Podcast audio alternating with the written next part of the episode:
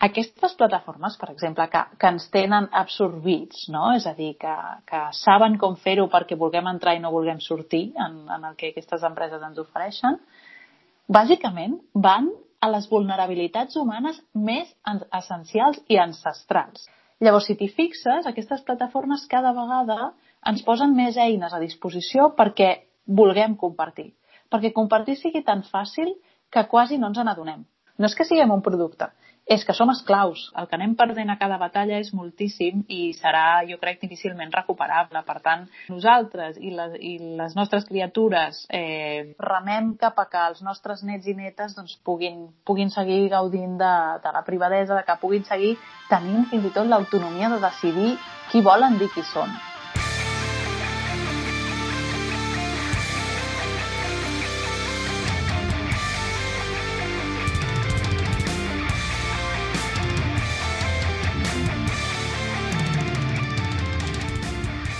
Hola, com esteu? Benvinguts i benvingudes a Connecta amb Dani Amo, un espai on parlo d'humanitat, tecnologia i privadesa. En aquest episodi us apropo una conversa amb Liliana Arroyo, doctora en Sociologia i coautora del Manifesto Cultural Digital amb en Jordi Jovany. Curiosament, la Liliana no té blog o lloc web de referència, però és que no li fa falta.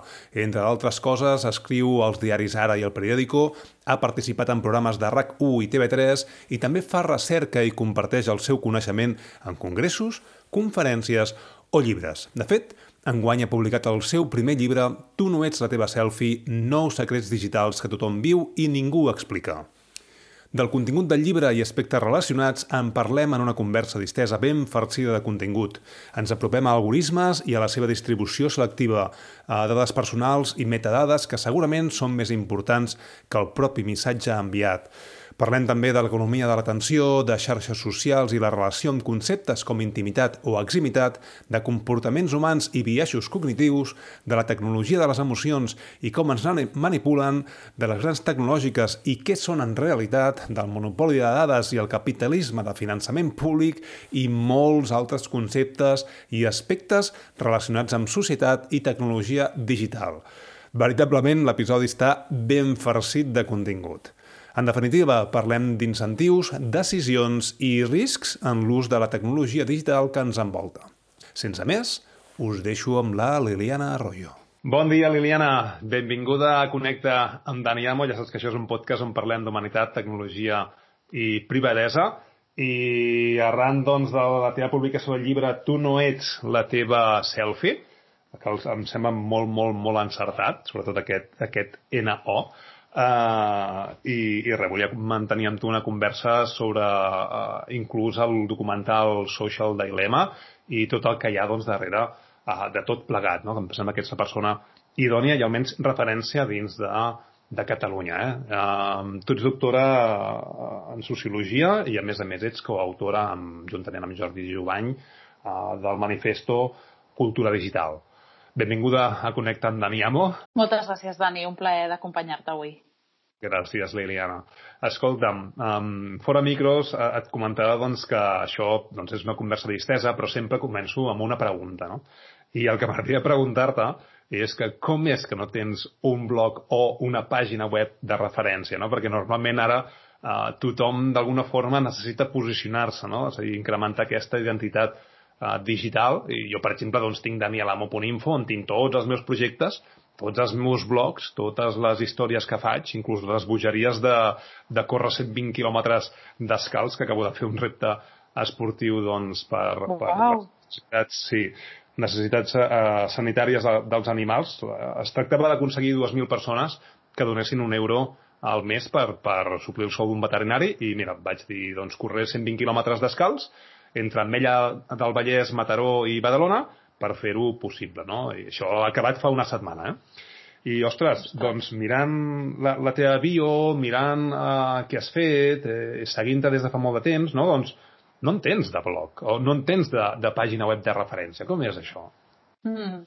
Bona pregunta. Jo crec que el que, el que reflecteix aquesta sorpresa, no? perquè també fora de micro et deia ostres, últimament hi ha, hi ha altres persones que m'ho han, preguntat, és una pregunta que ara em fan, que ara em fan sovint. Suposo que és perquè estem molt acostumades a que, a que les persones, amb o sense visibilitat, de seguida tinguin una, una pàgina, no?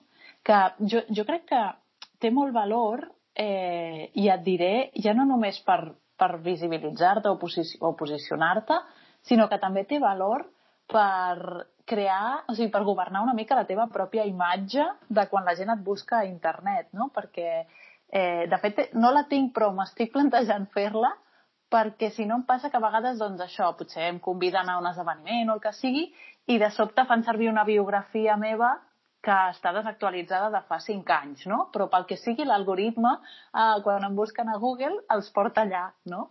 I, I jo fins ara el que havia fet servir era, era LinkedIn, sobretot, no?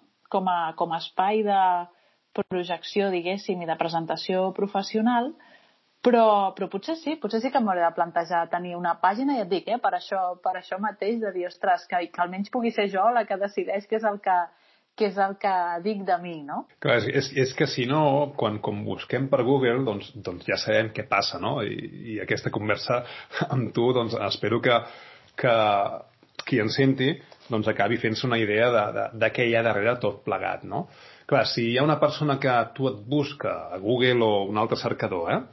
i resulta que um, el perfil d'aquesta persona doncs està uh, d'alguna forma uh, algorimitzat i li dona un, una sèrie de, de documentació no? de resultats, clar, uh, segons el que tu tinguis per allà, si no tens aquesta web de referència, doncs és el que dius, li sortirà informació que pot estar inclús desactualitzada, perquè al final la personalització dels algoritmes mm, tampoc eh, té un factor en el que digui ei, has de donar la informació el més veraç i el més actualitzada possible, sinó aquella que realment t'interessa. Sí, exacte. Jo, jo crec que això és un exemple bastant, bastant interessant de com funciona eh, la distribució algorítmica no? de, dels continguts i de, com, i de com pensen en els nostres interessos en funció, em refereixo no? a les plataformes, eh, com pensen els nostres interessos en funció de les probabilitats que nosaltres fem clic en una o una altra cosa,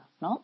Eh, per exemple, me n'adono que quan em busca una persona això no és, no és allò matemàtica 100% eh, fiable, eh? però sí que he notat algunes tendències, com per exemple quan em busca una persona que ve de l'entorn acadèmic, eh, acostuma a mostrar-li el meu perfil de, de professora associada que tenia quan estava a la UB i jo a la UB vaig eh, deixar de donar-hi classe fa 3 o 4 anys, no? Però sí que pel que sigui, doncs, eh, si és una persona que ve l'entorn acadèmic, doncs li, li mostra doncs, eh, l'última referència acadèmica que, que podia constar, no? Eh, llavors, eh, jo crec que jo crec que, és, que això ens porta a parlar doncs, aquesta idea de l'economia de l'atenció que, que em preocupa molt que la gent la conegui. No? Al final, eh, jo quan vaig descobrir que, que Google era una empresa de màrqueting, eh, de sobte em, em va caure una vena dels ulls, no? És a dir, ah, és que no és, no és, un, no és un cercador, en realitat, no? És a dir, ens posen un cercador que és una mena de taulell de joc amable, eh, convenient, ràpid, eficient i totes les bondats que li vulguem posar, però en realitat no deixa de ser un estudi de mercat permanent, no? per justament entendre eh, doncs, quin serà el nostre proper clic i llavors posar-li un preu a aquest clic no? per, per una tercera eh, empresa que serà la que es voldrà anunciar. No? Llavors, quan vaig entendre això, mm, de sobte la meva relació també amb l'entorn digital va, va canviar, no? I, i fent una mica de cerca de números, perquè jo sóc sociòloga i, i sempre m'agrada doncs, recolzar-ho amb, amb evidència, no? Totes les intuïcions que, que tinc, eh, a vegades no hi ha dades, però quan hi ha són, són interessants i ajuden no? també a, a poder fer-te un, un millor, una millor reconstrucció del dibuix. No? Llavors, quan vaig trobar que per Alphabet, que és la, com sabem és l'empresa mare de, de Google, el 85% dels seus ingressos de l'any 2019 provenien de tot el que té a veure amb, amb generació d'anuncis, ho vaig entendre molt bé, no? I després me'n vaig anar a mirar les dades de Facebook i Facebook, el 98% dels seus ingressos venen de totes les activitats de màrqueting que, que fan. No? Llavors, clar, amb aquestes dades, és a dir, el marge de dubte és bastant, queda bastant reduït, no? Hi ha una cosa molt clara, eh? i és el que has dit tu. Eh? Quan Google va néixer, doncs va néixer potser amb unes intencions, com totes les empreses del món, potser neixen amb unes intencions ètiques, morals, acceptables, suficients i respectuoses, no? Però també té sentit dir eh, que darrere tot plegat doncs, hi ha una agenda econòmica. Al final, les empreses són entitats que reben finançament privat, inclús reben finançament públic. Moltes de les eh, grans eh, empreses doncs, també reben molt de finançament públic i moltes estan financiades eh, amb aquest eh, diner doncs, doncs, de, del ciutadà, no? del contribuent, i al final doncs, es topen amb uns objectius doncs, que han d'assolir, uns objectius econòmics. Vull dir, al, al final, el, el, els que els donen aquest finançament privat doncs, volen un retorn d'inversió. No? I això ja, doncs, ja comença a, a, a trontollar. A mi em va passar exactament el mateix. Eh? Jo Google eh, l'entenc com a una empresa completament d'advertising, de, de publicitat, i on té doncs, una sèrie d'eines, no? Digue-li Gmail, digue-li Google, digue-li Google Suite, digue-li el, el, el Workspace, no? ara el, el, que li canvien el nom cada, cada dos per tres, sí. uh, doncs tot això, no? com diu una, un, un amic meu, és uh, succionadora de dades, no? és una aspiradora de dades que l'únic que fa, inclús el Google Chrome, inclús l'Android, eh? vull dir, um, si bé és cert doncs, que segons els finançaments que ells eh, rebin, públics privats, doncs van alliberant certa tecnologia i aquesta tecnologia al final són com petits ganxos que el que fan és et mantenen eh, molt a prop d'aquestes tecnològiques. No? I això el que fa és que els hi vagis donant dades, més dades i més dades, no? dades, dades personals, metadades, que al final a vegades les metadades són molt més importants que no pas el missatge en si, que no pas el contingut, perquè amb les metadades inclús pots saber moltíssimes coses, inclús deduir què és el que, de què estàs parlant, no? Uh, doncs, ostres, jo, jo em va passar el mateix que tu, eh? Um, vaig concebre Google com una empresa publicitària uh, o, o, o, o fins anar més enllà, eh? és a dir, totes aquelles persones que, o entitats que treballin amb dades dels seus uh, clients, no? o usuaris, digue-li com vulguis, són al final entitats uh, d'advertising, de publicitat, perquè les estan venent a, a, a tercers, no? I això és molt xungo. Això és molt xungo mm. perquè estem en una situació molt bèstia. Deixa'm fer mm, referència al teu llibre, eh? Tu no ets la, la teva selfie. Uh, és un llibre espectacular on inclús es podria dir la Bíblia, no? La, la Bíblia del que està passant a, a internet ara mateix, no? Perquè parles de moltes coses. Parles de uh, aquest canvi d'intimitat-eximitat, de uh, FOMO, d'algoritmes de recomanació, um, aspectes inclús de uh, malalties de salut mental. Tampoc vull fer un spoiler de tot el llibre, eh? però parles de moltíssimes coses, és molt interessant. Cadascun dels capítols uh, té subtrames en, en aquest sentit, no? Però, ostres, és molt interessant veure com socialment hem, hem fet un canvi, no? Sempre diuen doncs, que l'animal, que, que l'home és un animal social, no? Jo entenc que l'home més aviat és un animal contractual, que li convé d'alguna forma ser social, i, i això el porta doncs, a, a socialitzar-se. Eh? Uh, però bueno, és, és la meva opinió. Però uh, explica el, el concepte, el concepte aquest d'intimitat-eximitat, no? I, I per què ara uh, aquesta dèria de publicar tant i voler rebre tants likes? Eh, doncs, doncs mira, el concepte d'extimitat és, un, és un concepte que, que descobreixo justament eh, fent recerca sobre l'impacte social de la tecnologia, no? és a dir, en què, en què ens està transformant, no? com, com, per exemple, les xarxes socials estan transformant la nostra manera de, de mostrar-nos, la nostra manera de pertànyer, la nostra manera d'enamorar-nos, no? Tot, tot plegat ara passa per, per diferents apps, no? Podríem dir, estem, estem apificades, no?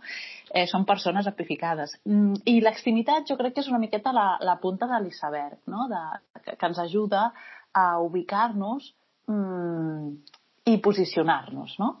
Llavors, d'aquí es desgranen moltíssimes coses. Com, com dius en el llibre, he intentat fer com l'exercici d'incorporar totes aquelles coses que travessen la nostra experiència digital i que sense voler, no? o sense voler, o de forma molt subtil i de mica en mica ens van, ens van canviant una mica la, la concepció que tenim del jo, de qui som, de qui són els altres, de com ens relacionem amb els altres, és a dir, aquesta sociabilitat, com, com s'articula, però també quin, quin paper té o quin pes té la nostra voluntat de construir una identitat, no? Llavors, l'extimitat, jo crec que la gent ho entendrà molt bé quan diguem que és doncs, eh, que de sobte estem compartint quin és el plat que mengem avui, o estem compartint eh, els nostres mitjons nous, o estem compartint l'ecografia de la nostra criatura abans de que hagi vist la llum del sol, no? És a dir, a la dimensió privada, la dimensió íntima, eh, està molt més exposada que mai, no? És a dir, eh, ens hem acostumat a mostrar coses del nostre dia a dia amb una agilitat, amb una facilitat i amb, i amb una poca reflexió que només si mirem com, com ens comportàvem fa 15 anys, eh, segurament ens semblarà que hem fet una progressió molt bèstia, no?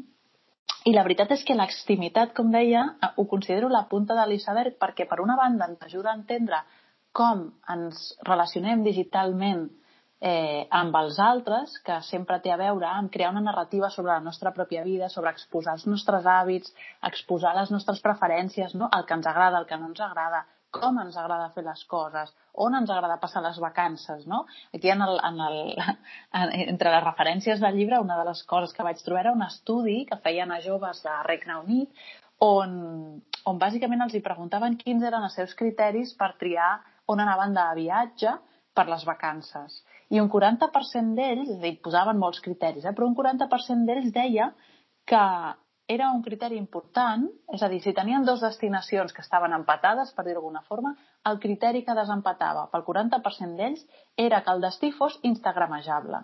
Llavors, instagramejable què vol dir? Doncs que sigui un lloc exòtic, que sigui un lloc que el paisatge eh, mostri que estem tenint les vacances perfectes, no? Una mica tot aquest postureig, tota aquesta, tota aquesta obligatorietat de, de ser feliç, de viatjar lluny, d'explorar territoris inexplorats, no? per molt que després estigui rodejat de gent, però almenys a la foto que no es noti. No? Llavors, aquesta extremitat ens porta a, primer, com dèiem, a mostrar-nos moltíssim, a estar molt pendents de com construïm la nostra pròpia imatge d'acord amb unes normes que moltes vegades no, no identifiquem, és a dir, no, no les podem posar per escrit perquè no ens les ha dit ningú, però que emergeixen d'una pressió social, no? És a dir, jo sé que un plat de macarrons amb pot de tomàquet fregit eh, no és instagramejable, mentre que si me'n vaig a fer, no, a demanar sushi a un restaurant d'aquí al costat i m'ho presenten molt bé amb una safateta per endur-m'ho a casa, allò sí que és instagramejable, no? Eh, llavors hi ha una sèrie de codis implícits en aquesta extremitat. I la contrapartida de l'agenda econòmica que abans estàvem dient, que com molt bé apuntaves, eh, doncs, eh, per exemple, hi ha, hi ha pressió per part d'inversors darrere molt forta, eh, al final la missió d'aquestes empreses que estan darrere d'aquestes plataformes eh, és posar-nos-ho molt fàcil perquè deixem de ser tímids.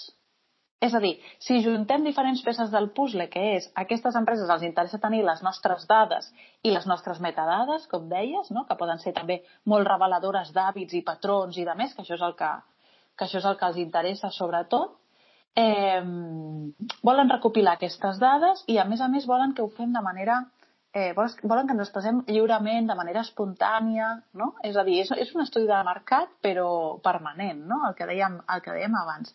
Llavors, si t'hi fixes, aquestes plataformes cada vegada ens posen més eines a disposició perquè vulguem compartir.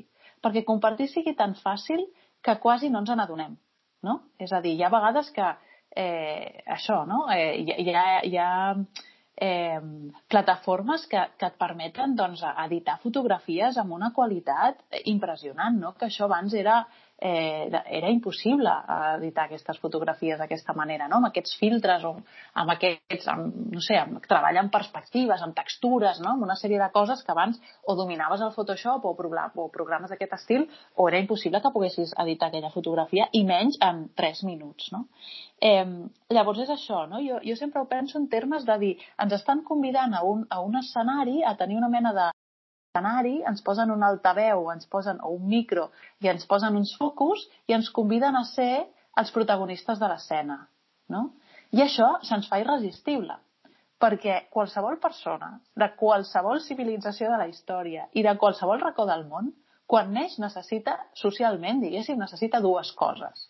Una és tenir una identitat, és a dir, definir qui és, i l'altra és pertànyer tenir un cercle de referència, tenir sentiment de pertinença no? alguna, alguna cosa, que això lliga amb, amb aquesta idea d'éssers socials que tu deies, o per conveniència i pacte, o, o per naturalesa, com vulguis, no? Podem, podem arribar-hi, podem, podem discutir si, si arribem, per quina de les vies hi arribem, però, però al final el resultat és que vivim en societat, no? I que, i que la majoria de les persones eh, depenen d'aquesta societat. Llavors, tota aquesta so societat eh, i sociabilitat passa en obert, en directe i per a tothom, no? Aquest és l'anel d'aquestes companyies. Mm. El que passa que hi fas una reflexió molt interessant sobre la vida com un teatre, i al final la vida és, és, és, és una pantomima, no? Des de que surts... O, o, o més aviat, la, la, la teva vida privada és la vida real, no? I quan surts a fora, doncs eh, és quan comences a, a, a impostar, no? a fer rols i a presentar-te a les persones de diferent forma. De fet, això, això és un clàssic eh, amb els pares. Jo, jo he sigut docent, ara sóc universitari, però he sigut eh, professor o mestre de primària i secundària, no? I quan parles amb els pares et dones compte doncs, de que tenen una visió del fill completament diferent. Quan a classe el, el seu fill és d'una forma, a casa és d'una altra, amb els seus amics és d'una altra, i no només el, els nens i els joves, sinó que els adults també. És a dir, ens comportem de forma diferent. El que passa que no m'ha entès encara que quan penges coses a internet eh, es queden allà per sempre, visibles, no la pots borrar. És que ni inclús amb aquest dret a l'oblit del, del Reglament General de Protecció de Dades, perquè això només funciona a Europa, te'n vas doncs, a, google.com als Estats Units i allà continues tenint la informació, perquè allà aquella llei doncs, no afecta, no? I eh, hem d'entendre que estem en un món que no hi ha privadesa, que tot el que tu facis serà públic. Tot el que tu puges a internet és accessible. Per tant, no sé si ja estem acostumats o no a aquesta exposició tan bèstia de, de com ens comportem fora de casa. I això el que ens implica és que no ens podem comportar de diferents formes. Perquè si ens comportem de diferents formes, eh, llavors semblarà incoherent. No sé si m'explico aquest argument, eh? és a dir, en el sentit de que tu abans podies tenir petites illes d'amistats, de coneguts, de contactes, que d'alguna forma doncs, no estaven interrelacionats entre si, podies tenir aquesta, aquests espais de privadesa, tanmateix ara tu tens un Facebook, tu tens un Insta, tu tens un Twitter, um, no pots tenir tres perfils diferents amb tres comportaments diferents, perquè llavors seria com una miqueta erràtic, tot i que quan que ser xarxes hi ha una idiosincràsia i una forma de fer i de presentar-te uh, d'una forma molt especial. Però em sembla que no estem acostumats en, en no ser uh, o, o en ser més aviat un personatge públic uh, al 100% quan surts. I, I aquesta pantomima de la vida, doncs, ostres, mm, ja no la pots dur a terme no? No sé si m'explico amb, amb el meu argument. No? Mira, hi ha un exemple molt fàcil. A mi, jo, jo tenia, tinc, de fet està penjat encara, un canal de YouTube que es diu Yo Trail, i allà hi penjava doncs, com feia jo el canvi de, de l'asfalt a la muntanya, no? perquè jo soc corredor d'ultrafons eh, i m'agrada doncs, compartir coses, i per mi YouTube era un, un espai on compartir amb altra gent, on dir, ei, mira, estic fent això, si algú li interessa que em segueixi, i, i, com, i ens comuniquem i tenim aquest eh, doncs, xat de, dels diferents vídeos, no? Però hi va haver un punt que em vaig donar compte de que feia les coses per la comunitat. I això em sembla que és la, la, la línia fina. No? Per, un, per un cantó està el concepte aquest de que la vida és un teatre, no? I, i et trobo la frase de, de, de, de, del teu llibre, no? i que quan sortim fora eh, absolutament són personatges públics al 100%. I després, les coses que fem, al tanto que eh, arribaràs a fer-les no per tu, sinó per la teva audiència o comunitat que has creat, no? Clar, jo quan em vaig donar compte d'això, doncs vaig, vaig deixar de publicar en el, en el meu canal de YouTube perquè jo no volia ser esclau de la meva comunitat, no? Llavors, eh, són dues coses que van molt lligades de la mà el fet de tenir aquesta comunitat eh, que eh, et veu subjecte a comportar-te d'una forma si has mentit des del principi, no? I, i donar-te compte de que no pots comportar d'una forma diferent a diferents llocs perquè al final tot és públic. Mira, eh, jo, jo, això que apuntes em sembla un tema apassionant, és a dir, i crec que és una de les converses o una, un, una de les disrupcions, si em permets la paraula, mm -hmm. més potents que ens ha portat el fet d'haver de combinar la vida presencial amb la vida digital. Val? Llavors, com deies, um, jugar diferents rols en diferents espais no és nou. Això no és propi de l'era digital, sinó que això ho havíem fet tota la vida. I, de fet, uh, en el llibre jo menciono un gran sociòleg eh, de, de la interacció i, i que és ell no? el que parla de la vida com un, com un teatre i, i ens, ens explica això, no? de dir, al final decidim quin vestuari ens posem en funció de, de, de qui tenim al davant. No? I aquí hi ha un punt també de dir és que no som sense la interacció. És a dir, no som en el buit, les persones. No? Les persones som en funció de les interaccions que tenim.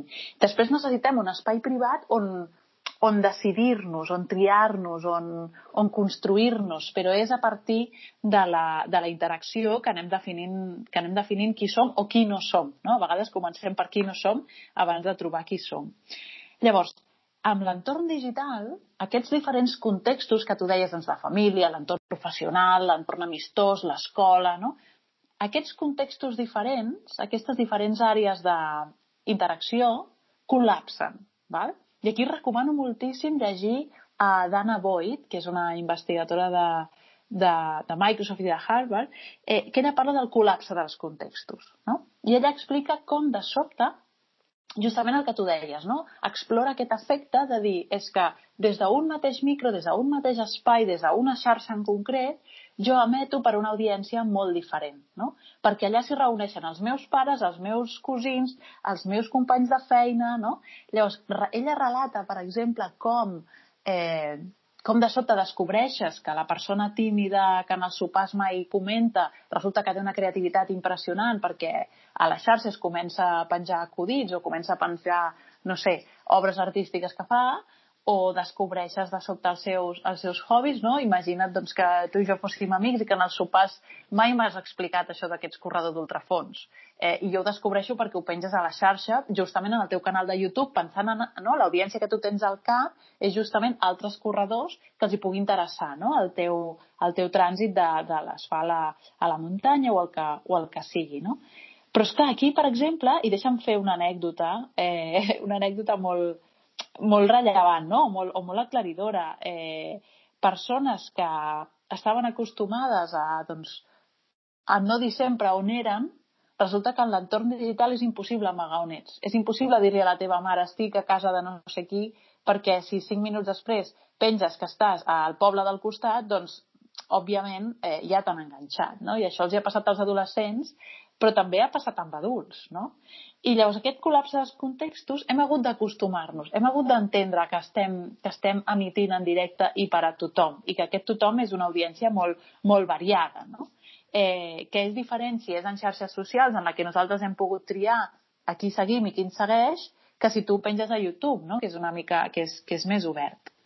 I després el punt que tu comentaves de que en el moment en què tens una comunitat o una audiència o que, no, un grup de gent que, que t'escolta, i que et segueix, aquesta sensació de ser esclau de la comunitat eh, és molt compartida i, de fet, eh, és una reflexió interessant que han fet molts, molts influenciadors eh, d'èxit, diguéssim, que se n'adonen que arriba un punt que són esclaus d'una banda de la comunitat i això et genera com problemes de, de contingut, no? És a dir, al final eh, pots, ah, pots arribar a l'autocensura de dir, doncs no parlaré d'això perquè això no serà interessant per la meva comunitat, no? Llavors, aquí, per exemple, ja t'està afectant el que tu estàs projectant de tu i el que tu ets i en el que tu estàs pensant, no? Eh, llavors, els influenciadors diuen això, que tenen certa, certa sensació d'esclavisme cap a la comunitat, d'una banda, però també certa, eh, cert servilisme a l'algoritme, no? És a dir, perquè eh, els algoritmes, doncs, de nou, prioritzaran aquells continguts que saben que l'audiència li interessarà, que la comunitat li interessarà, perquè volen que la gent faci clic, entri a la plataforma i s'hi quedi, no? Per això després també s'inventen els algoritmes de recomanació.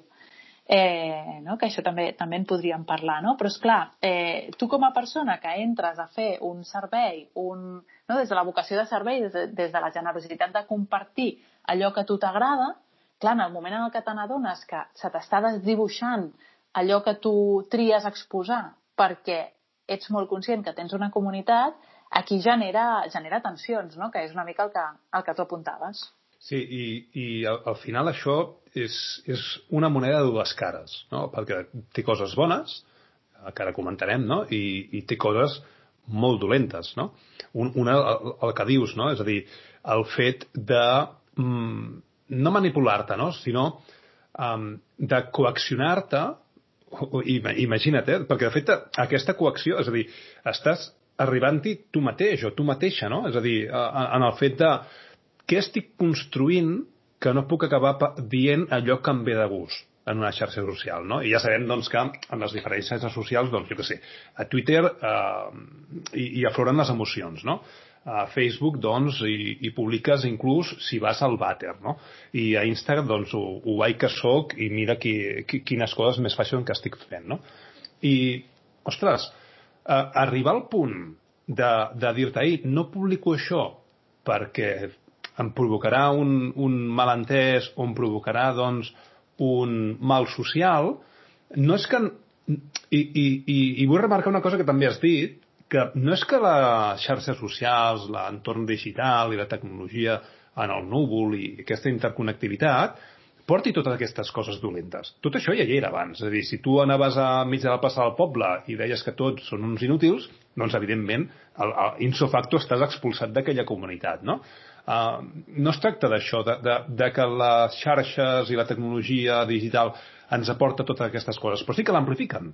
És a dir, hem de ser conscients de que estàs, i sempre dic el mateix, és a dir, estem absolutament, quan entrem a internet, nus i amb un megàfon a la mà. Tothom et sent completament. Tot el que fas, tens una mirada. Llavors, has d'anar més en compte, no? I, mm. ostres, mm, com que a totes les xarxes socials la bio és molt curteta, doncs només hi pots posar la, les dues o tres coses eh, que pensis que són més significatives, no? Evidentment, buscant l'impacte, tal qual, però potser no són les que t'estan definint. I quan parles d'alguna altra cosa, doncs la gent es sorprèn. Hòstia, aquesta persona està fent, està fent això d'aquí? Doncs no ho sabia. Molt interessant. O et faig un blog perquè eh, resulta que no eh, ets com, com jo. I això és una de les coses dolentes que, que ens aporten. Anem cap al cantó obscur, si em deixes, vale? i després, sí. doncs, anem cap a, a aquests influencers positius, que els dic jo. Eh? Mira, a mi m'agrada parlar de, de, de tres coses o de tres conceptes que són els següents. És a dir, um, behavioral economics, és a dir, l'economia del comportament, no? on darrere tenim aquest eh, Amos eh, Tversky i el Daniel Kahneman, no? que van fer tota aquesta eh, teoria de, del comportament en, en, en economia i el que diuen al final és que eh, hi donem més importància a aquelles coses negatives, és a dir, a les pèrdues, que no pas a, al seu equivalent en guanys. No? Per exemple, mm. si jo ara agafo i li dic a les persones ei, no, no estigueu al Facebook perquè Facebook us manipula. Anem, jo què sé, a, a Apple Community, imaginem-nos, eh? Clar, el, el fet de sortir d'aquí, no? de, de sortir de Facebook, implica, doncs això, desfer-se'n de, de, de tota aquesta comunitat, desfer-se'n de tots aquests contactes, de tornar a aprendre una tecnologia nova, de tornar a fer aquesta comunitat, de resforçar-te el doble o el triple per tornar a construir aquella realitat que has estat lluitant. Per un cantó això, per l'altre també pot ser una oportunitat. No? Llavors tenim una sèrie d'aspectes no? uh, on acaben afectant a les decisions. Llavors, hi ha una cosa que també m'agrada, és el concepte de bounded rationality del, del Herbert uh, Simon, o, o, o els límits de la racionalitat, que són aquests efectes bombolla. No? És a dir, nosaltres estem a Twitter i l'algoritme de Twitter t'ensenyarà allò que realment t'agrada, et satisfà i que vols mirar en aquell moment, no? I tota aquella informació que tens és informació que va acord amb els teus, amb els teus pensaments. Estic dient moltes coses a la vegada, eh? ja ho sé. Sí, les anem vale. recuperant, no pateixis. Ho, ho, gràcies, Liliana. Ho, ho acostumo a fer, eh? En el meu discurs acostumo a afegir tres o quatre coses, no? Ostres, llavors eh, estem en un punt, no? per exemple, el, el Gary Baker, eh? eh que té un llibre que es diu The Economic Approach to Human Behavior. Estic parlant dels anys 70, eh? Tot això d'aquí no ens ve nou. És a dir, estem parlant de, d'anys 70, 80... Ja estava inventat, això, exacte. Exacte, no? Llavors, ostres, um, l'elecció racional, no? Al final, um, riscos versus uh, eleccions, l'elecció racional i els límits de la racionalitat. Li estem donant voltes sempre al mateix, no? És a dir, en, aquest, en aquesta decisió que prenc jo ara, reflexionada o no. Llavors, clar, si les xarxes socials o aquests entorns digitals t'estan donant només allò que vols saber i que t'agrada, eh, la teva visió de la realitat està absolutament compromesa. I si a sobre t'envien fake news, et desinformen, ostres, la manipulació és insofacto. O sigui, estem parlant de que ja, ja no és que ens estiguin manipulant, sinó que les decisions que nosaltres prenem, que ens pensem que són òptimes i beneficioses per nosaltres mateixos o mateixes, eh, segurament no ho són. Eh, eh potser a curt plaç sí, però a llarg plaç segurament no ho són. No? Llavors ens preguntem, ostres, com és que ha sortit Trump? Com és que està passant això? Com és que està passant allò? Ah, ostres, si mirem fa cinc anys tot el que hem estat fent i tot el que hem estat promovent des dels nostres perfils, potser ens donarem compte de que eh, ens hem de mirar la, la vida amb, amb més cura quan fem aquest retuit, quan fem aquest compartit, no? o quan seguim a algú, que potser ens convé seguir la part contrària per tenir una visió contrastada.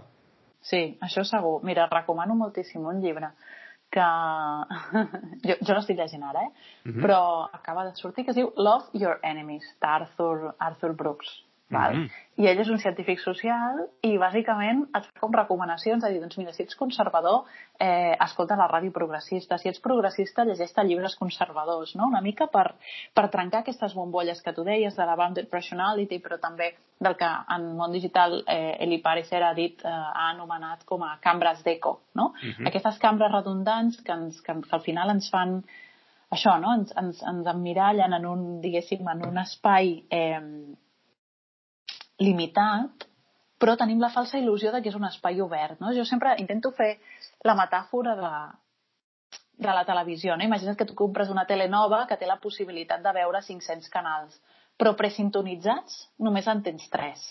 No? És a dir, clar, i tornant al behavioral economics també, no? l'incentiu de veure aquells 3 que tu ja tens presintonitzats i que, a més a més, imagina't que te'ls han triat per tu, no? Eh, doncs l'incentiu d'anar-te'n al quart canal, que no està presintonitzat, eh, és molt petit.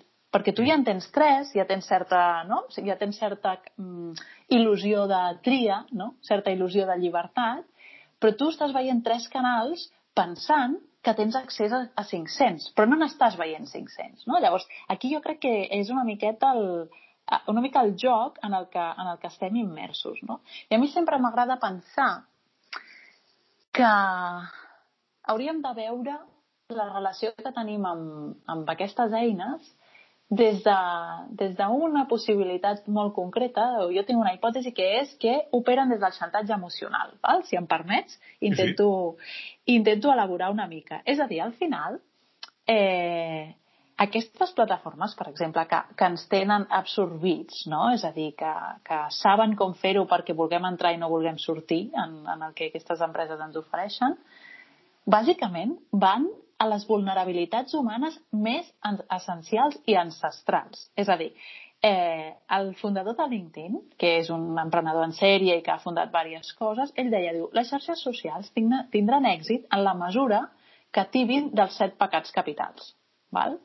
Més enllà de la visió religiosa o no que tinguem dels set pecats capitals, que més estan en la, en la, diguéssim, en la visió eh, cristiana, però en el budisme també hi ha els cinc verins i ens en podem anar a diferents mm, perspectives no? culturals al, al voltant de quines són les debilitats humanes i coincideixen moltes d'elles. No? I, I la veritat és que al final allò que deies tu de per què me n'aniré a una altra xarxa, si vull sortir de Facebook, per què me n'aniré a una altra xarxa i per què deixaré no, enrere tot això que m'ha costat construir, aquesta reputació, aquesta imatge, aquesta, aquests contractes i de més.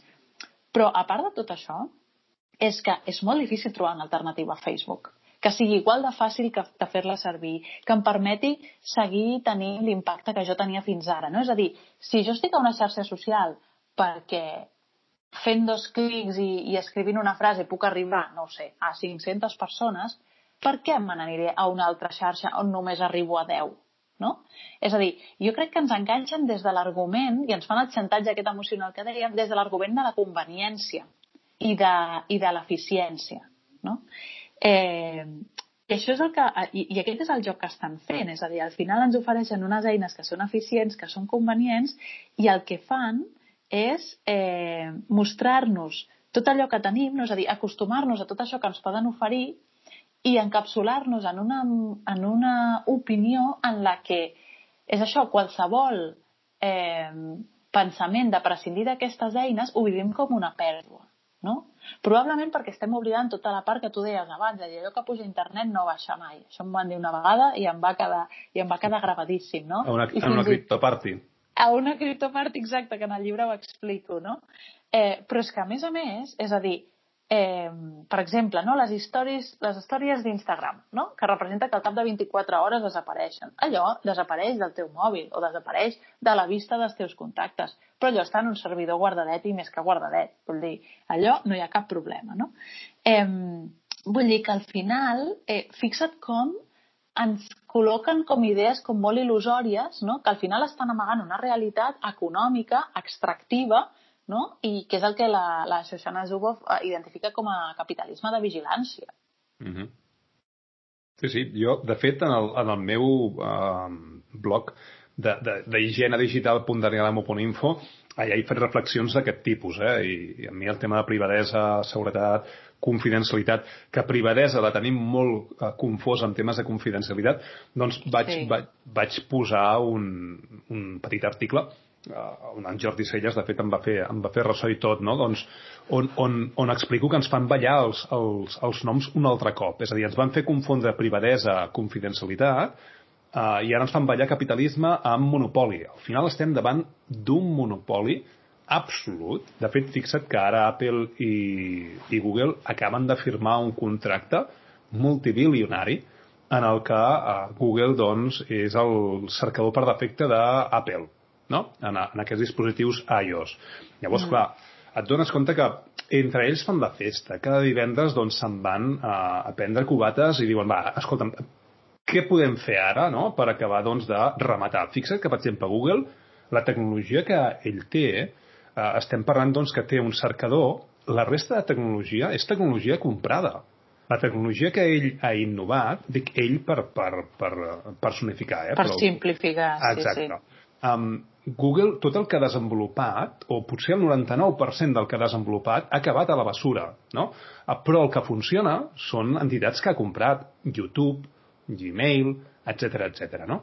Llavors, um, tenen la capacitat de, de reduir o eliminar completament la competitivitat. Per tant, si no hi ha competitivitat, no hi ha capitalisme, perquè el capitalisme es basa en la, en la competitivitat. Per tant, estem davant d'un monopoli absolut lluita tu contra un Microsoft o un Google o un Apple, eh, que són les més fàcils d'anomenar. Després en tens moltes altres que també estan darrere comprant moltes coses, no? Sí. I, que, I que no se'n diu massa, perquè al final les que són mainstream són Google i companyia, però és que no és un capitalisme de dades. És, és, mira, hi ha, hi, ha un, hi ha un senyor que es diu Dr. Rowe, no?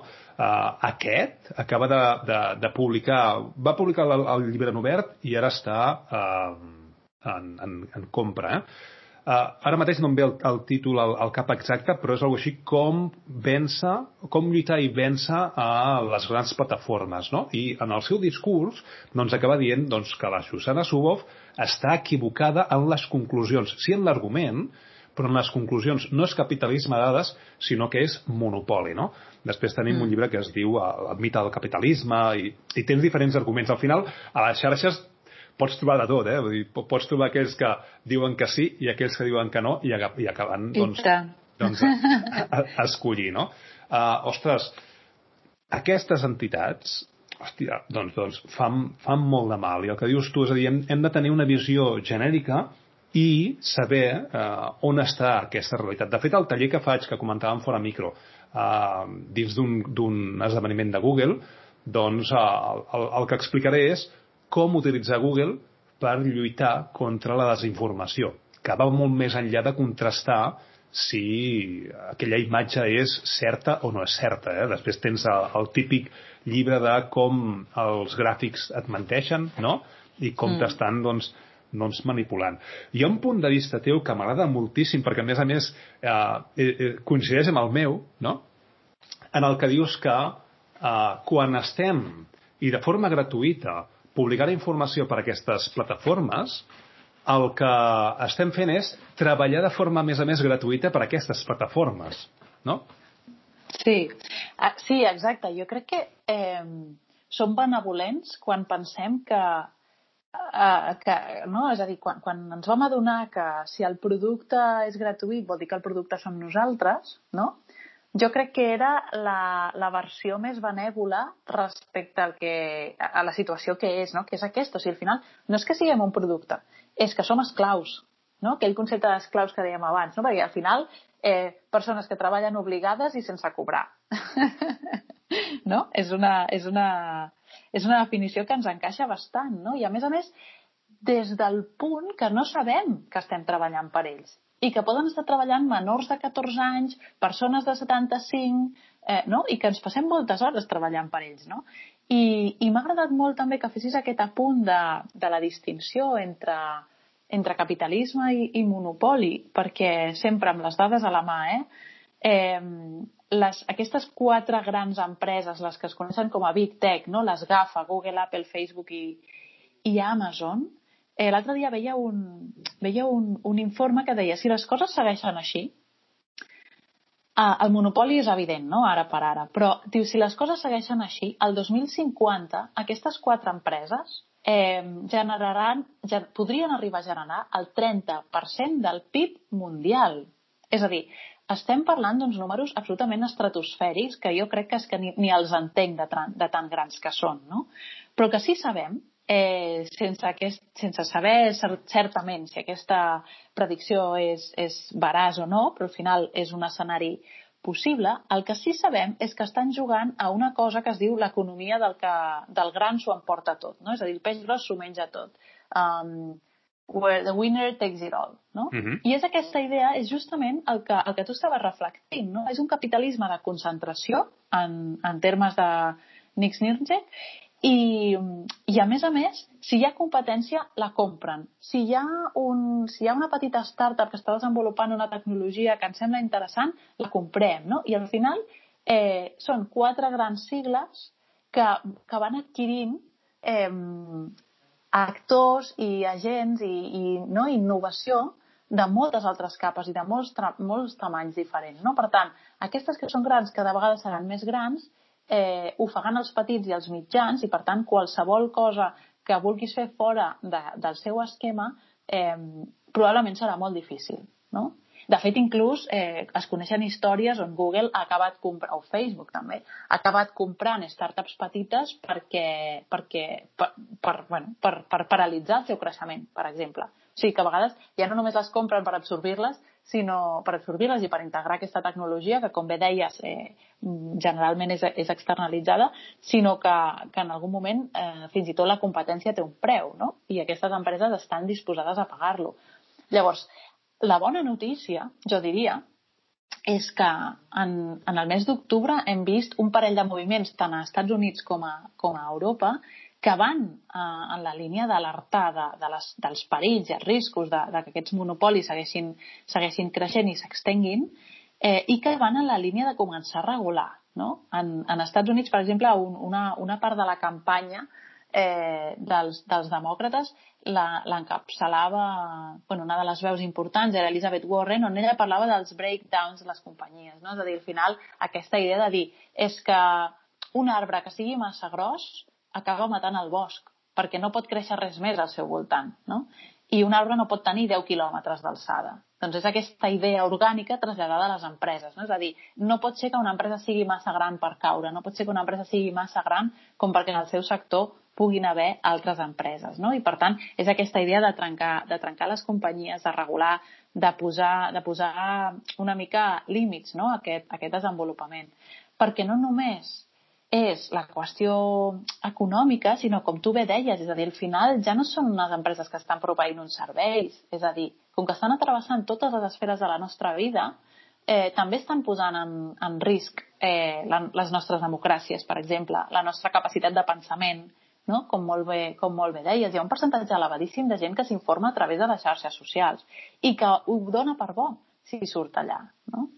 I, I sempre em fa una mica de, de por, diguéssim, al, al culpar-nos a nosaltres mateixos, no? de dir, és veritat que nosaltres podem ser còmplices de la distribució de les fake news, això és, és així, no? perquè quantes vegades eh, hem retuitejat una cosa o hem compartit una cosa a través de WhatsApp que no ens hem llegit sencera, no? i això, eh, qui digui que no ho ha fet mai, no me'l crec, no? perquè jo mateixa, amb tota la consciència que tinc, alguna vegada reconec que, reconec que ho he fet. No? Eh, Llavors, és important que nosaltres individualment no ho fem, però no hem de, no hem d'oblidar de nou que és que hi ha una indústria, hi ha una maquinària al darrere de tot això. No? I, de fet, les fake news, com perquè estan manipulades i estan seguint aquestes nocions del xantatge emocional que dèiem abans, eh, Twitter va fer, un, va fer un estudi per, per analitzar la capacitat de difondre eh, contingut veraç i contingut eh, manipulat i van trobar que les fake news es distribueixen tres vegades més ràpid perquè acostumen a ser més extremes, més polaritzants, eh, criden més l'atenció no? i enmig de tot el soroll i tota la infoxicació que tenim de la quantitat d'informació que circula a través de, de, de totes aquestes xarxes, clar, al final acabem parant atenció a allò que més destaca, no? I allò que més destaca acostumen a ser les coses extremes. Bueno, som com, com societat suricata, no? En el moment que mm. tens un perill, doncs, aixeques el cap i, i, i amb el megàfon doncs dius, ei, que aquesta cosa és, és xunga, no? Les coses bones, doncs, escolta, són bones i ja està, no? I, i, i tal dia farà un any, no? Però és, és això, és a dir, no compartim o no, no com, acostumem a compartir allò que, que són bones notícies, tanmateix ho fem, però és evident doncs, que aquelles estem entrenats eh, humanament, intrínsecament, per alertar no? i per ser conscients de, dels possibles perills. El que passa que és el que dius, jo també estic fotut en aquest tema de, de la privadesa i la manipulació, i mira, justament amb el tema aquest del repte esportiu, eh, he fet 20.000 entrevistes i a més a més he sortit per la tele, TV3, Antena 3, La Sexta, no? Però hi ha medis doncs, que es comporten més èticament que altres. No? TV3 molt bé, doncs te'n vas a altres medis i dels tres quarts d'hora que t'has passat parlant del repte, eh, donant detalls, etc etc, et treuen la notícia sensacionalista, no? només ensenyen aquelles paraules que volen per, la, per al tipus d'audiència que tenen. No? Uh, amb la qual cosa doncs, la manipulació està servida. I tu veus i dius, ostres, m'acaben de deixar de, de persona que s'acaba de treure les sabates i s'ha fotut 120 quilòmetres uh, així perquè sí, el boig aquest, no? com fa bons anys doncs, que sóc descalcista. No? Llavors, s'ha d'anar molt de compte, sí. I, i, I, de fet, mira, amb el tema aquest dels treballadors i l'esclavitud, ja ens la van fotre amb el tema del CAPTXA, Eh? És a dir, quan, oh, quan, quan, quan vas a una pàgina web i dius, ei, ets un humà? Doncs mentrestant estàs eh, entrenant un algoritme de machine learning o big data o el que sigui que està per darrere. O en el Facebook mateix, per posar exemples, perquè al final estem parlant de moltes coses, sou conscient eh, que anem fent doncs, doncs, de tastaulletes, no? I anar fent, picotejant amb diferents conceptes, però al Facebook mateix, les persones que estan etiquetant cares uh, fotografies i quan Facebook et diu ei, aquesta persona és aquesta d'aquí i tu dius que sí, ostres, això és un entrenament brutal de, dels algoritmes que hi ha darrere i a vegades no, no en som conscients però no ens oblidem um, els automatismes uh, no, no existeixen. El machine learning tens dos tipus de machine learning, el supervisat i el, el no supervisat. No? Llavors, el supervisat és aquell doncs, que necessites uh, moltes dades perquè la cosa funcioni. Vale? Aquestes dades no generen soles. Hi ha d'haver un humà que les piqui, que les introdueixi en el sistema perquè l'automatisme funcioni. Per tant, una, els automatismes funcionen amb dades. Dos, funcionen amb dades del passat, que això és més, més, més xungo encara, perquè tot el model del passat eh, no està sincronitzat amb el present i és el que es va doncs, replicant al cap dels anys. No? En educació, per exemple, jo, jo, a mi ho sento molt, però soc molt anti algoritmes predictius perquè precisament el que fan és repliquen models o validen l'aprenentatge de models antics i has d'estar tota l'estona sincronitzant amb de les noves. No? Llavors, tenim per una vessant aquesta esclavitud, treballadors socials gratuïts que són els usuaris, però després hi ha una banda molt xunga que són aquests treballadors o microtreballadors que fan tasques molt petitones i que tenen micropagaments, que això és una realitat, que no estan en un contracte laboral perquè no existeix una tipografia, no? i, i, que, i que no poden sortir d'això. Llavors, tu si no tens feina, tu pots posar a treballar per Facebook, per Google, per Amazon, fent tasques d'aquest tipus. Què vol dir això? Uh, reconeixement de matrícules, uh, comprovació d'imatges si són bones o no són bones. Tot això és un treball manual i que, i que al final doncs, uh, perjudica socialment, econòmicament i que hi ha uns autònoms no, doncs, que pateixen les conseqüències de, de tot això d'aquí. Ho hem vist molt clar amb, amb el tema d'Amazon no? i amb Alexa. Hi ha un fotimer de persones darrere que estan comprovant si els àudios són bons, si no són bons. Això provoca problemes de privadesa i problemes d'economia, de, perquè aquestes persones que són subcontractades per Amazon estan en una precarietat molt bèstia perquè no hi ha un, un, um, un govern sobre això, no hi ha una legalitat, no hi ha un règim que digui, ei, aquestes persones són microtreballadores i estan regulades uh, legalment per això, no? Amb la qual cosa, ostres, um, amb compte perquè si comences a tibar, tu ho saps molt bé, jo ho sé molt bé, però quan, quan tens a persones que no entenen del tema, quan comences a tibar, fa moltíssima por. Però tot això uh, i, i ja estem arribant doncs, a, aquesta horeta, uh, són coses xungues i podríem, Liliana, parlar uh, de, de moltes coses xungues i em sembla que ens caldria com, com 4 o 5 podcasts o episodis seguits d'això. Eh? I, I potser, potser un dia m'atreveixo i, i, i faig una jornada de, de podcast de 12 hores no? doncs entrant i, i que sigui la cosa més, més distesa amb tu, amb la Simona Levi que també està allà fent molt de soroll, amb la Carme Peiró que està doncs, eh, fent molt de soroll també amb el tema dels biaixos cognitius i decisions automàtiques a, a Catalunya, però no tot és dolent. Al final, i tu ho exposes en el teu llibre, no? I hi ha coses molt bones que se'n poden treure de les xarxes socials, no? Jo personalment no entenc que una persona normal i corrent vulgui arribar a 500 persones no? ensenyant aquest plat de macarrons. Suposo que són aquests biaixos cognitius i al final té aquesta explicació social i, i, i psicològica. No? Jo les xarxes socials les entenc per treballar, per donar a conèixer les coses que jo faig, per donar-me aquest reconeixement professional. En el personal ja tinc les meves amistats.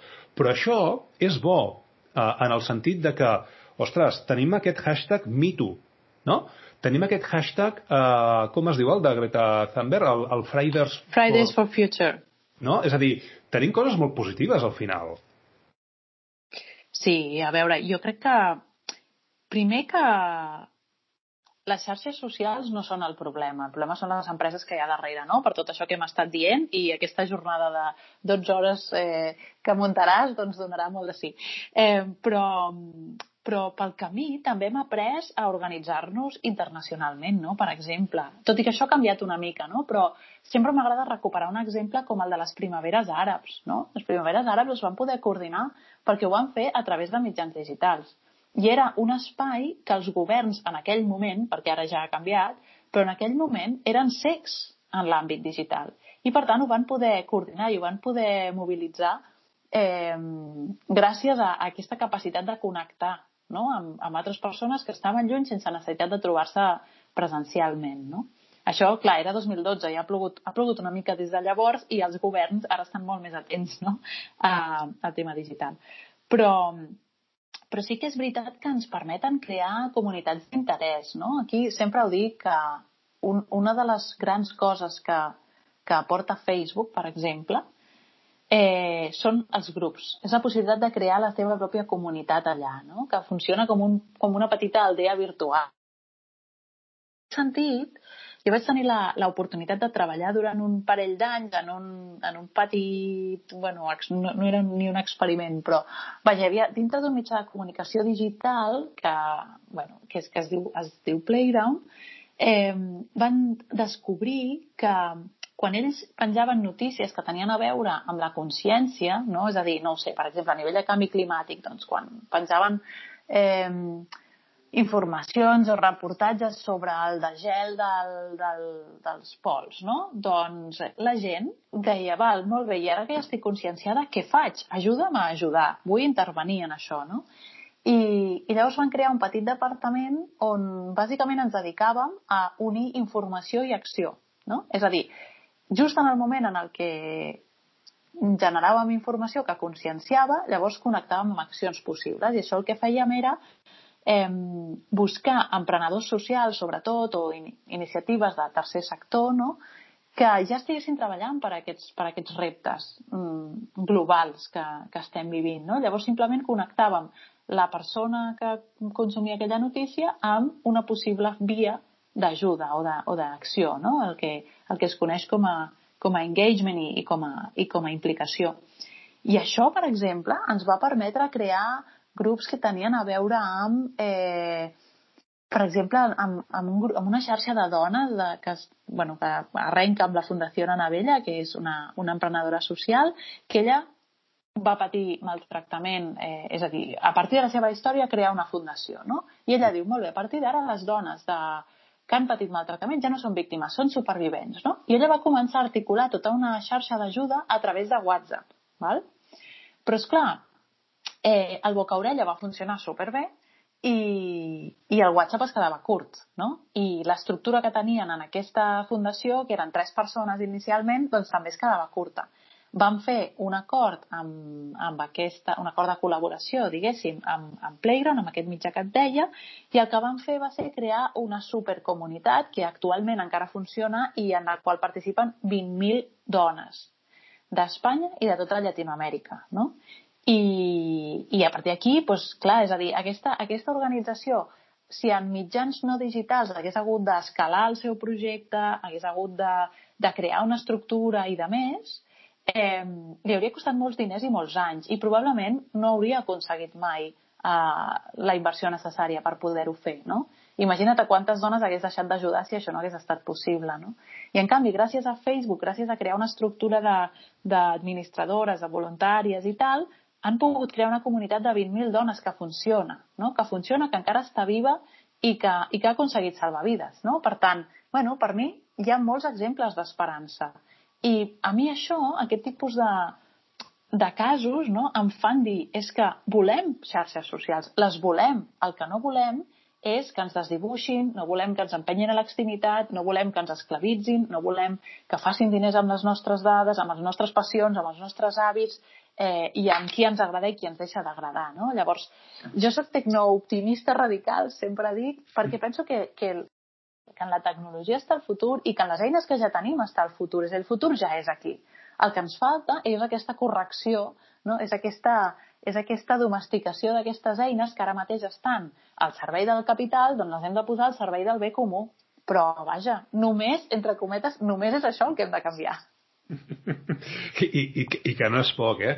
Jo tinc la, la frase aquesta de si la tecnologia, per tant sóc tecnooptimista, però no a la simetria de poder. I ara mateix hi ha una simetria de poder molt bèstia en el que aquestes entitats estan a pinens llum. I, inclús estan fotudes dins de governs, inclús estan fotudes dins de uh, a, la, a la pantomima aquesta de, de, del que van fer en qüestions d'antitrust als Estats Units, al final hi ha, hi ha, hi ha molts congressistes comprats, hi ha moltes històries per, per allà al mig, no?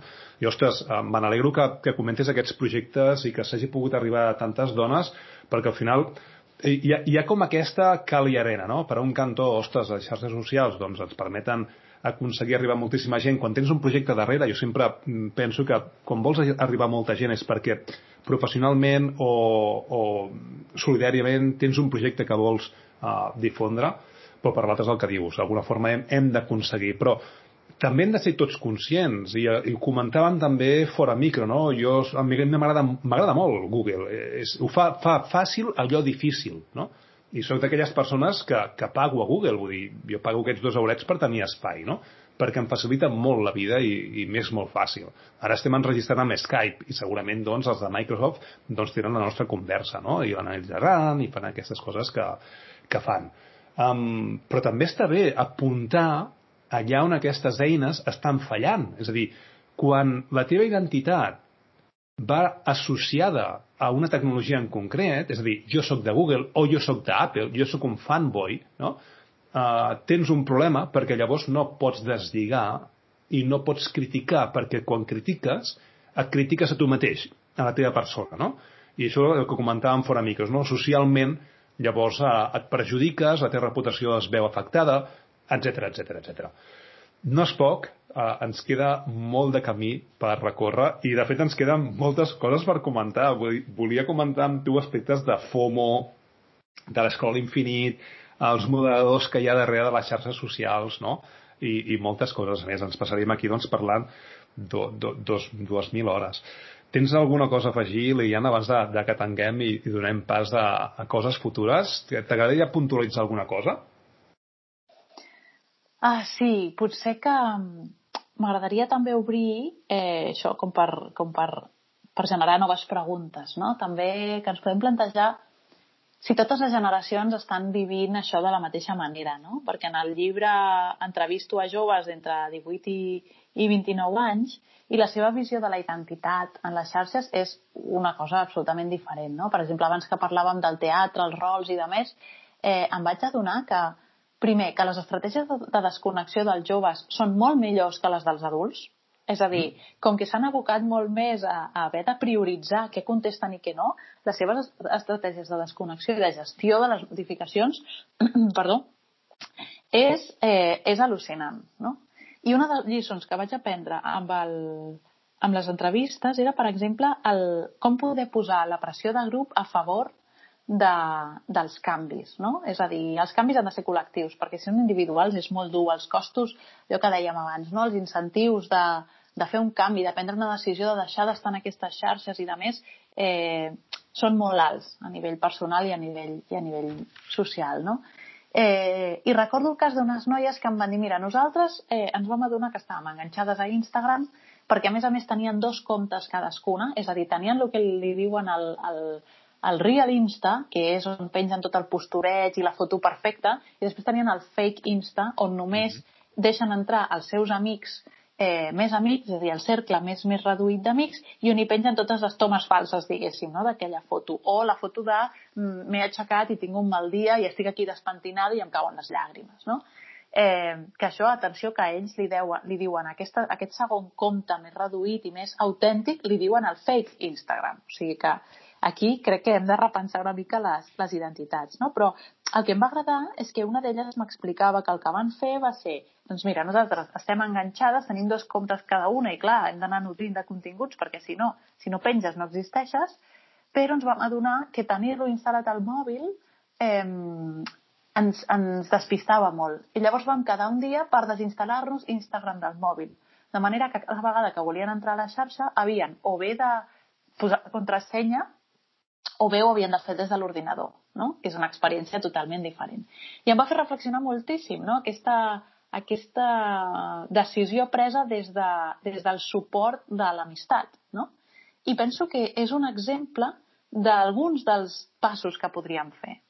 És que els nanos... Eh, el, el, el, anava a dir, eh? Estava pensant si, si dir-ho o no dir-ho, eh? Uh, el, el terme de la digital, jo no hi crec pas, no? Però, no, és una fal·làcia. Exacte, no? Però, però bueno, sí que és cert que han nascut en aquest entorn, no? Amb la qual cosa les estratègies són diferents. Jo no sé tu, jo, jo, jo tinc 42 anys i, i vinc d'un món on, on jo fins als 17 anys, si no m'equivoco, 16-17, no vaig tenir un mòbil. I el mòbil que tenia, com a molt tenies el joc de la SERP, podies enviar SMS i podies trucar i parar de comptar, no?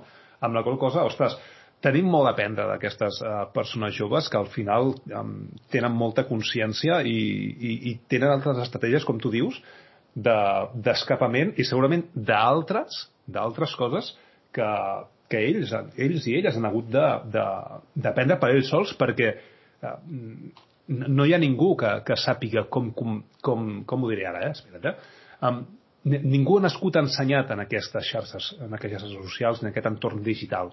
Ni els que venim de fora, d'abans, ni els que han nascut dins. No? Els que venim de fora encara ens estem fent aquesta nova realitat i els que estan dins, d'alguna forma, estan intentant sobreviure.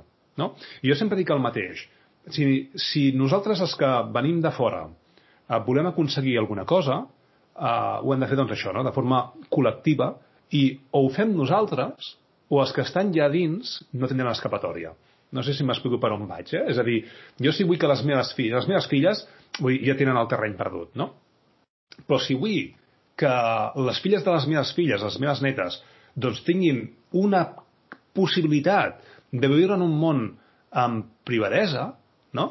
que jo no sé si serà, si serà possible, doncs sóc jo el que ara haig de fer un push molt bèstia perquè les meves netes puguin gaudir d'aquesta uh, generació uh, amb un mínim de privadesa, perquè la, la, la generació de la meva filla, la privadesa ja l'han perdut. Vull dir, uh, automàticament està en, en un col·le públic i ja li han donat un compte de Gmail. Llavors, uh, Google, i, i no pots dir que no, perquè clar, tota, tota la comunicació ja no va amb el meu compte de pare, sinó va amb el compte de la meva filla de Gmail. Llavors, Google ja, ja, ja ho té, no? Si, si vols sortir d'això, ara ja no pots. Llavors, jo concebo que la meva generació, i entenc que, que, que també és la teva, no? més o menys de, de la quinta, em sembla, doncs, eh, si no fem ara aquesta lluita per regular i equilibrar aquesta simetria de poder, d'aquí dues generacions, doncs ho tindran molt perdut. Mm, sí, absolutament, absolutament d'acord. Jo en tinc 35 però també el primer mòbil el vaig tenir als 17, per tant estic feliçment eh, mm -hmm. crescuda en lo analògic molt bé. I, i després em vaig moure a lo, a lo digital. O sigui, vaig, primer sabia qui era i després vam arribar al món digital, no? mentre que les generacions que, que ens eh, segueixen doncs ja no, ja no és així, no? ja, ja han nascut amb la, amb la tauleta sota, sota el braç.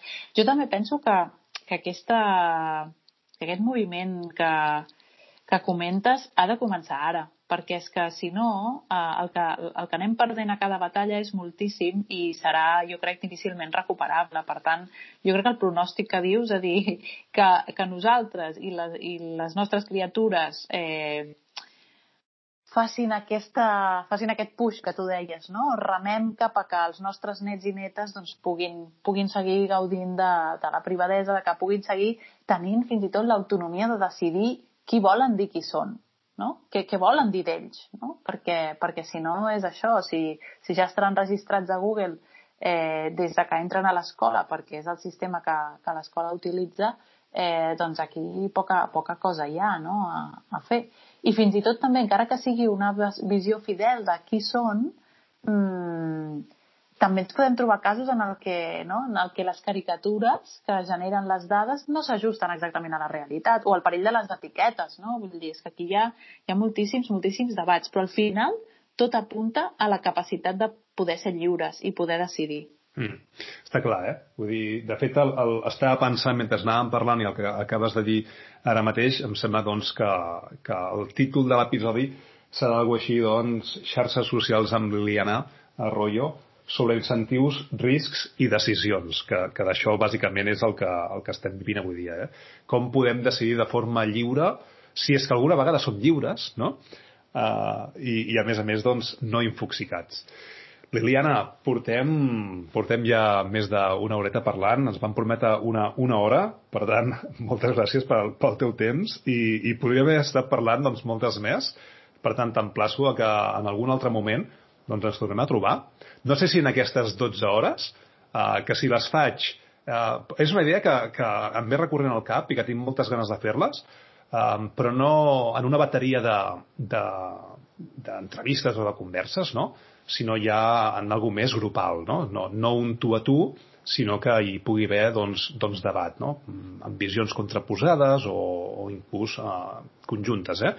Però, ostres, m'agradaria tornar a tenir aquí al, al podcast doncs parlant de FOMO, que FOMO és, és algo molt interessant no? i, i lligar-ho sobretot doncs, en, en aspectes socials, si estàs dins o fora d'aquestes comunitats o, o tribus, que el concepte de tribu encara està per allà i no, no, no l'hem deixat anar i penso que és un dels punts que les xarxes socials se'n beneficien. Liliana, moltes gràcies. Um, dono referència del teu llibre de Tu no ets la teva selfie. De fet, té coletilla, no? Um, algo així com les nou, nou algo més, que mai, mai me'n recordo. Nou secrets, nou secrets digitals que tothom viu i ningú explica. Exacte. Uh, soc, soc molt curtet de memòria, ja ho veus, eh? Sempre em quedo amb els, amb, amb els titulars. Moltes gràcies. Uh, espero que ens tornem a veure i comentem més aspectes obscurs i positius de les xarxes socials. Sí, això sempre, sempre, sempre en positiu. Moltes gràcies, Dani. Ha estat, un, ha estat un plaer, la veritat. Gràcies, Liana. Fins la propera. Fins una altra.